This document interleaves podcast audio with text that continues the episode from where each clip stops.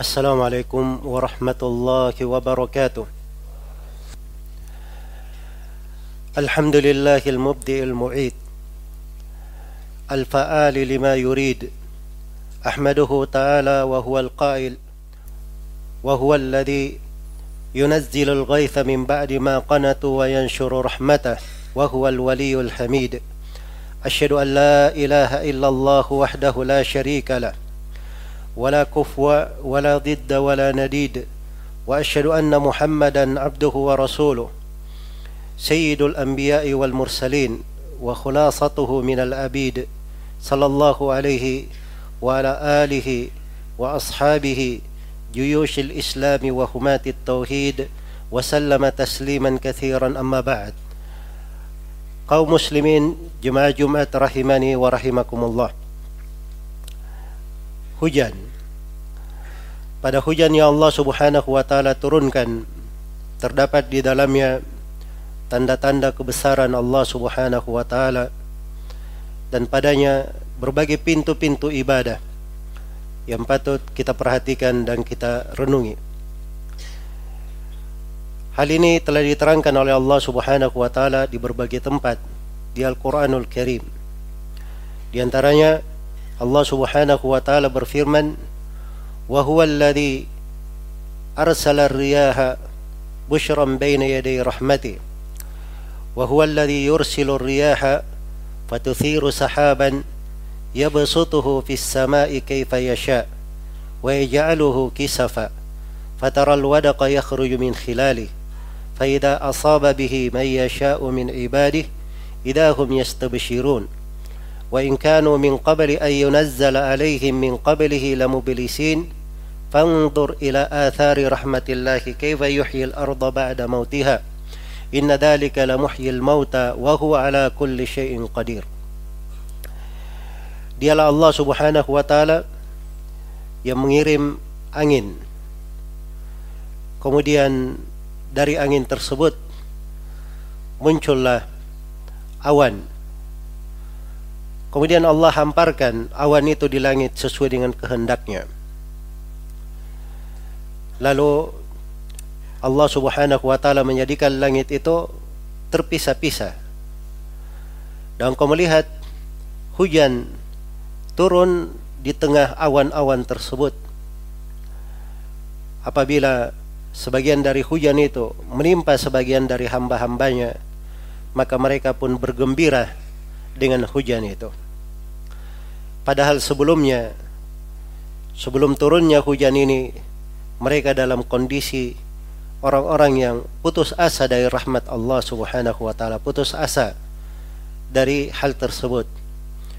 Maka lihatlah kepada pengaruh dari rahmat Allah Subhanahu wa taala bagaimana Allah menghidupkan yang mati sesungguhnya dialah Allah yang maha menghidupkan apa yang mati dan dia maha mampu atas segala sesuatu di dalam ayat-ayat yang mulia ini Allah Subhanahu wa taala terangkan bahwa hujan ini adalah dari rahmat Allah Subhanahu wa taala. Fanzur ila athari rahmatillah. Lihatlah dari pengaruh dari bekas-bekas dari hal yang terkait dengan rahmat Allah Subhanahu wa taala. Maka dia adalah bagian dari rahmat Allah Subhanahu wa taala yang harusnya kita selalu mengharapkan dari rahmat Allah bergembira dengannya bergembira dengan hal tersebut karena segala hal yang terkait dengan rahmat Allah Subhanahu wa taala Allah telah berfirman qul bi fadlillahi wa bi rahmatih fabidzalika falyafrahu. Huwa khairun mimma yajma'un. Katakanlah dengan keutamaan Allah dan dengan rahmatnya dengan hal tersebut hendaknya mereka bergembira. Itu lebih baik daripada segala dunia yang mereka kumpulkan. Maka kita melihat dari rahmat Allah Subhanahu wa taala ini. Allah Subhanahu wa taala mengutus angin. Dan dari angin ini terlihat awan di sana sini. Awan yang Allah letakkan dengan berbagai bentuknya di atas sana. Kemudian dari awan ini suatu keajaiban dari ciptaan Allah Subhanahu wa taala turun butiran-butiran air hujan di sela awan-awan tersebut. Apabila butiran air hujan ini menimpa dari sebagian makhluk dari siapa yang Allah kehendaki. Iya, hujan itu hanya menimpa siapa yang Allah Subhanahu wa taala kehendaki. Karena itu di sebagian tempat dibuat curah hujan itu sangat banyak dan di tempat lain dibuat sedikit. Di satu tempat kadang ada sebagiannya yang tertimpa hujan, sebagian yang lain dari penduduk negeri itu tidak mendapatkan hujan. Bahkan hal ini adalah hal yang sering kita saksikan perkara yang dimaklumi. Dan dari keajaiban yang disebutkan oleh Rasulullah sallallahu alaihi wasallam di dalam sebuah hadis yang diriwayatkan oleh Imam Muslim adalah kisah seorang lelaki yang dia menunaikan hak kebunnya. Maka terdengar suara dari langit perintah kepada awan agar supaya berilah hujan ke kebun fulan bin fulan disebut namanya maka seorang mendengar hal tersebut lalu dia melihat awan datang kemudian mendung turun hujan di atas bebatuan yang keras. Lalu air hujan tersebut mengalir ke sebuah kebun. Dan di kebun tersebut berdiri seorang lelaki yang menunggui kebunnya. Maka orang yang mendengar suara dari awan ini bertanya, apakah kamu fulan bin fulan? Sesuai dengan nama yang dia dia dengarkan. Maka orang tersebut berkata benar. Maka orang yang mendengar suara ini berkata, apa yang kamu lakukan terhadap kebunmu ini? Maka orang ini pun berkata, sepanjang kau telah menceritakan hal itu, maka saya setiap kali panen dari kebun ini, saya membaginya menjadi tiga. Sepertiga untuk saya makan dan keluargaku, sepertiga saya kembalikan lagi ke kebun, maksudnya sebagai modal untuk mengelola dari lahannya, dan sepertiganya lagi dia sedekahkan. Maka ini dari keajaiban rahmat Allah Subhanahu wa taala Allah turunkan khusus hujan kepada siapa yang Allah Subhanahu wa taala kehendaki. Fa asaba bihi may yasha'u min hum. Apabila hujan itu menimpa siapa yang Allah kehendaki dari hamba-hambanya, maka mereka pun bergembira dengan hal tersebut. Iya. Maka pada hujan ini terdapat renungan yang besar terkait dengan rahmat Allah Subhanahu wa taala, pemberian dan karunia-Nya, bergembira dengan hal tersebut. Kemudian di dalam hujan ini seorang selalu menumbuhkan rasa harapannya kepada Allah Subhanahu wa taala, ar-raja. Karena hidup ini adalah seorang itu selalu berharap kebaikan dari sisi Allah Subhanahu wa taala. Malakum la tarjuna lillahi waqara. Ada apa dengan kalian? Kenapa kalian tidak selalu berharap kepada Rabbmu dengan selalu mengagungkan dan membesarkannya? Dan dari kebaikan yang sangat besar adalah mengharapkan hal yang dengannya seorang memperoleh kebahagiaannya di akhirat kelak. Faman kana yarju liqa'a rabbih falyamal amalan salihan wala yusyrik bi ibadati rabbih ahada.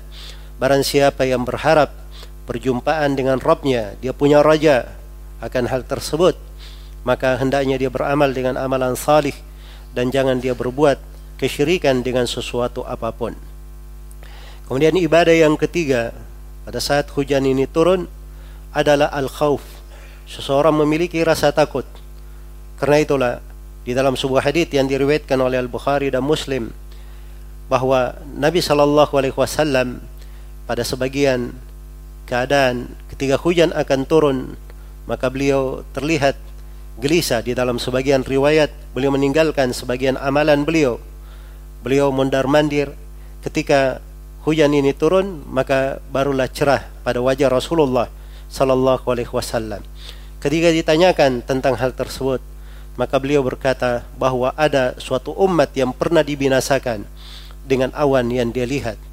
Itulah yang disebutkan di dalam Al-Quran di surah Al-Ahqaf tentang kaum Ad bahwa mereka ini falamma ra'awhu aridan mustaqbila awdiyatihim qalu hadha aridun mumtiruna begitu mereka melihat awan tebal datang ke arah lembah mereka mereka berkata ini hujan yang akan menimpa kita akan menghujani kita.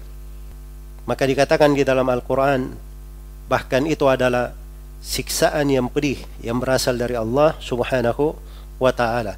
Bal huwa mastajaltum bih rihum fiha adabun alim. Bahkan itulah dari siksaan yang kalian minta untuk disegerakan angin yang berisi siksaan yang sangat pedih. Maka pada hujan itu hendaknya seorang memiliki rasa takut di dalamnya. Dan diriwayatkan oleh Imam Abu Daud rahimahullahu taala dari Aisyah radhiyallahu taala anha apabila Nabi sallallahu alaihi wasallam melihat awan beliau berkata Allahumma inni a'udzubika min syarriha. Ya Allah saya berlindung kepadamu dari kejelekan awan ini. Dia mungkin datang membawa kebaikan dan mungkin datang membawa kejelekan. Maka Rasulullah sallallahu alaihi wasallam mengajari kita untuk berlindung dari kejelekannya. Berlindung dari kejelekannya. Maka ini semuanya menunjukkan al-khauf, rasa takut kepada Allah Subhanahu wa taala di dalam hal tersebut. Iya. Kemudian yang keempat dari ibadah pada saat hujan ini turun adalah seorang itu selalu mengingat akan kebangkitan, selalu mengingat akan hari kiamat, dan dia harus selalu tahu bahwa Allah Subhanahu wa Ta'ala Maha mampu untuk mengembalikan segala sesuatu, dan Allah Subhanahu wa Ta'ala Maha mampu untuk membangkitkan orang-orang yang telah mati. Fanzur ila athari rahmatillahi kaifa yuhyil arda ba'da mautiha. Lihatlah bagaimana pengaruh dari rahmat Allah Subhanahu wa taala dari hujan yang turun itu bagaimana hujan itu menghidupkan bumi setelah bumi itu menjadi bumi yang tandus, bumi yang mati. Pada tanah tandus mati setelah turun hujan, tumbuh dari tanah itu beragam tanaman, beragam dari keindahan makhluk-makhluk Allah Subhanahu wa taala. Kemudian Allah tegaskan inna dzalika la muhyil mauta. Sesungguhnya Allah Subhanahu wa taala yang menciptakan hal tersebut Dialah yang maha menghidupkan orang-orang yang akan mati. Dan Allah subhanahu wa ta'ala maha mampu akan hal tersebut. Maka ini semuanya peringatan bahwa kemampuan Allah menghidupkan tanah yang telah mati dan kemampuan Allah subhanahu wa ta'ala menumbuhkan dari tumbuhan-tumbuhan di atas tanah yang tadinya tidak diharapkan maka membangkitkan manusia setelah kematiannya itu adalah sangat mudah bagi Allah subhanahu wa taala.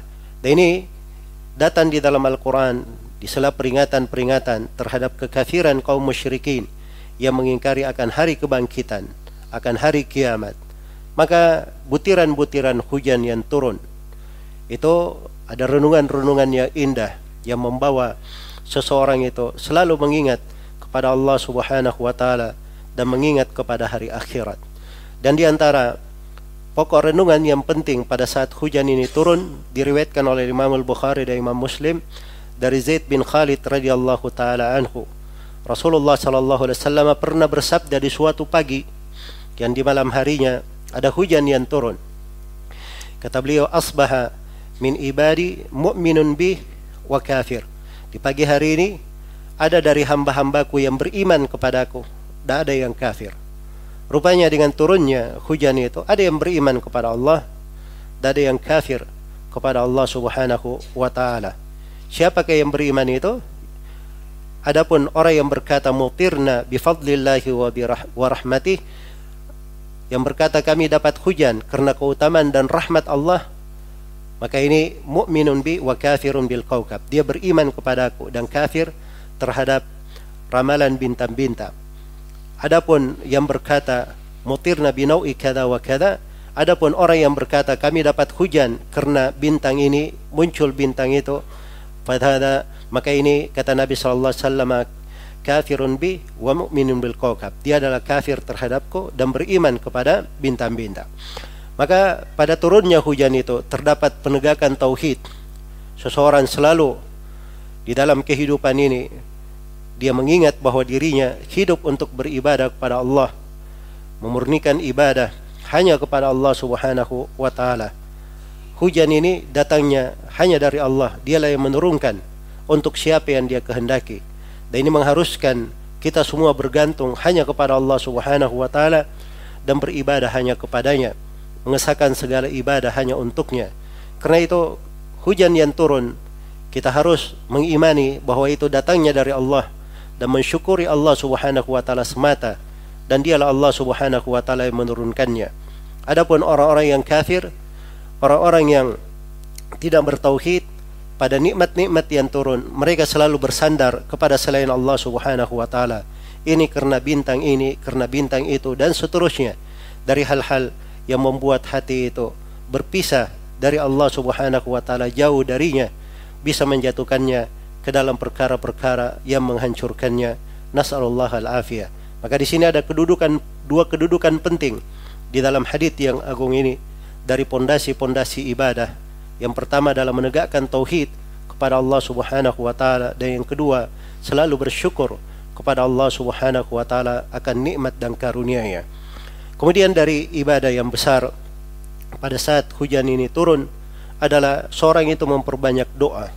Karena itu telah syah di dalam sebuah hadis yang diriwayatkan oleh Imamul Hakim dan memiliki jalur-jalur yang mendukungnya sehingga dihasankan oleh Syekh Al-Albani dan selainnya di antara tempat-tempat doa itu mustajabah adalah ketika hujan itu turun ketika hujan itu turun karena itu telah syah juga di dalam hadits Aisyah riwayat Al-Bukhari Nabi sallallahu alaihi wasallam apabila melihat hujan beliau berkata Allahumma sayyiban nafi'an ya Allah berilah hujan yang bermanfaat berilah hujan yang bermanfaat. Apabila hujan itu telah datang, telah turun.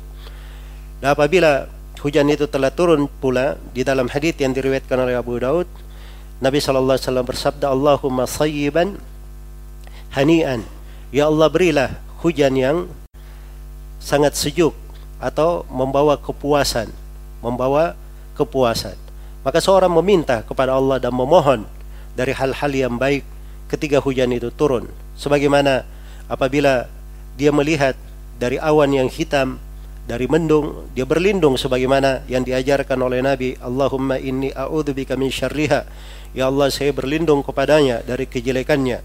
Apabila terdengar petir maka boleh dia berkata subhanalladzi yusabbihu ar-ra'du bihamdih wal malaikatu min khifati maha suci Allah yang guntur itu memuji Allah dengan pujian kepadanya bertasbih kepada Allah dengan pujian kepadanya dan para malaikat takut kepada Allah Subhanahu wa taala sebagaimana telah diucapkan oleh sebagian sahabat Abdullah bin Zubair akan hal tersebut. Maka ini dari bentuk doa-doa yang dibaca pada saat hujan itu dan apa yang terkait dengan hujan itu. Pintu ketaatan dan pintu ibadah yang sangat besar. Kemudian telah syah pula di dalam hadis Abu Hurairah yang diriwayatkan oleh Imam Muslim Rasulullah sallallahu alaihi wasallam bersabda ala adullukum ala ma yamhu bihil khataya wa yarfa'u bihid darajat. Ingin kali kalian aku beri petunjuk akan suatu hal yang menghapuskan dosa-dosa dan mengangkat derajat-derajat. Maka para sahabat berkata, "Bala ya Rasulullah, tentu ya Rasulullah." Maka Nabi sallallahu alaihi wasallam bersabda, "Isbagul wudu alal makarih."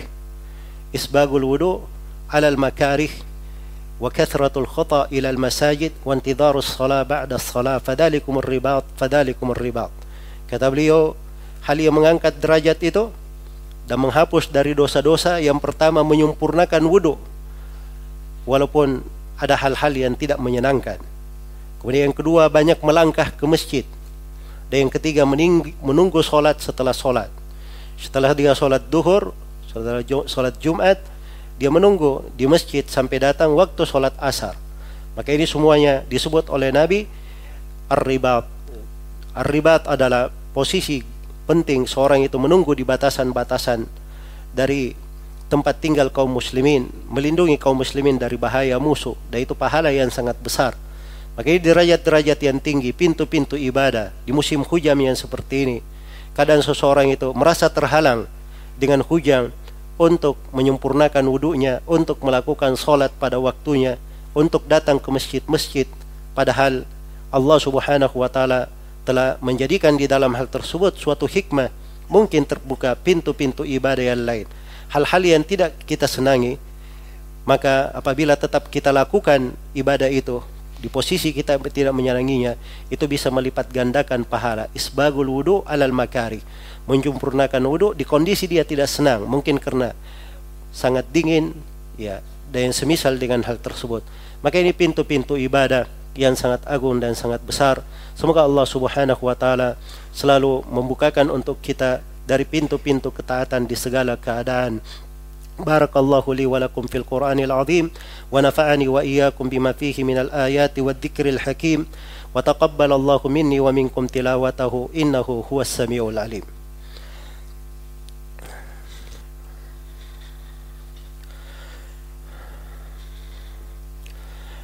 الحمد لله على إحسانه والشكر له على توفيقه وامتنانه أشهد أن لا إله إلا الله وحده لا شريك له تعظيما لشأنه وأشهد أن محمدا عبده ورسوله الداعي إلى رضوانه صلى الله عليه وعلى آله وإخوانه أما بعد kaum muslimin jemaah Jumat rahimani wa rahimakumullah diriwayatkan oleh Imam Muslim dari Anas bin Malik radhiyallahu taala anhu pernah turun hujan di masa Rasulullah sallallahu alaihi wasallam dan beliau sedang bersama para sahabatnya maka beliau menyingkap sebagian dari kain beliau sehingga hujan itu langsung membasahi badannya ketika melihat tersebut para sahabat bertanya ya Rasulullah lima sana'ta hada wahai Rasulullah kenapa engkau melakukan hal itu?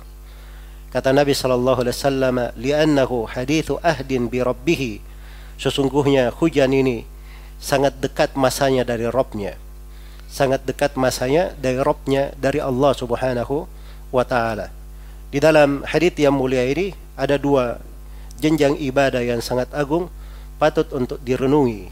Yang pertama terdapat penetapan tingginya Allah Subhanahu wa taala di atas makhluknya. Hujan itu datangnya dari atas dan hujan ini disifatkan dekat masanya dari Robnya.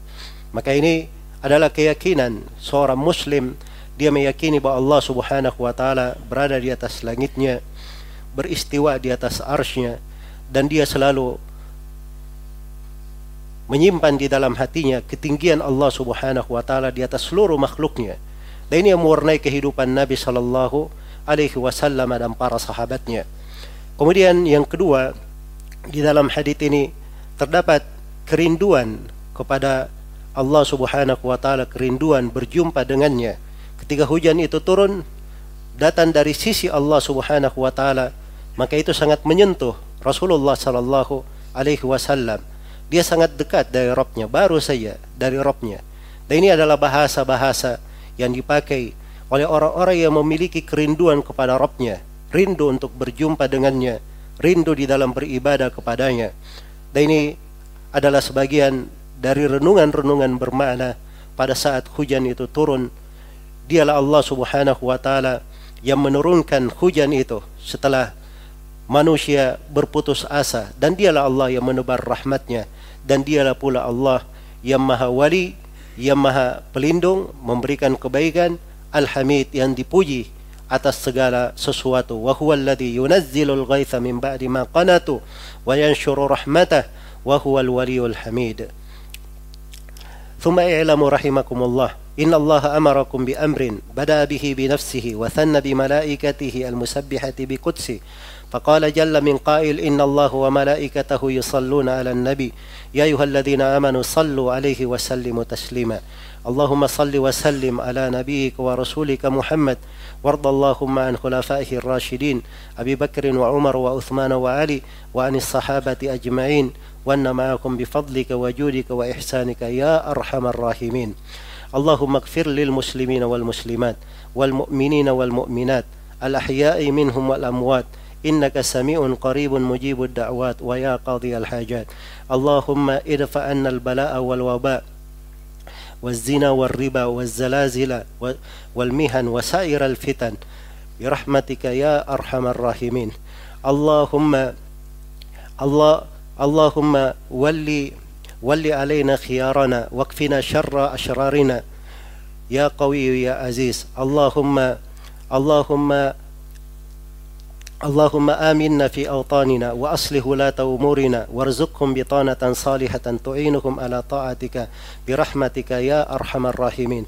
اللهم من أرادنا وبلادنا بسوء فأشغله بنفسه وجعل كيده في نهره وجعل تدبيره تدميرا عليه. يا قوي يا عزيز ربنا ظلمنا أنفسنا وإن لم تغفر لنا وترحمنا لنكونن من الخاسرين. ربنا اغفر لنا ولإخواننا الذين سبقونا بالإيمان.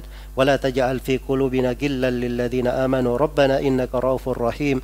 ربنا آتنا في الدنيا حسنة وفي الآخرة حسنة وقنا عذاب النار. عباد الله إن الله يأمر بالعدل والإحسان وإيتاء ذي القربى وينهى عن الفحشاء والمنكر والبغي. يعظكم لعلكم تذكرون. فاذكروا الله العظيم الجليل يذكركم واشكروه على نعمه يزيدكم ولذكر الله أكبر. والله يعلم ما تصنعون.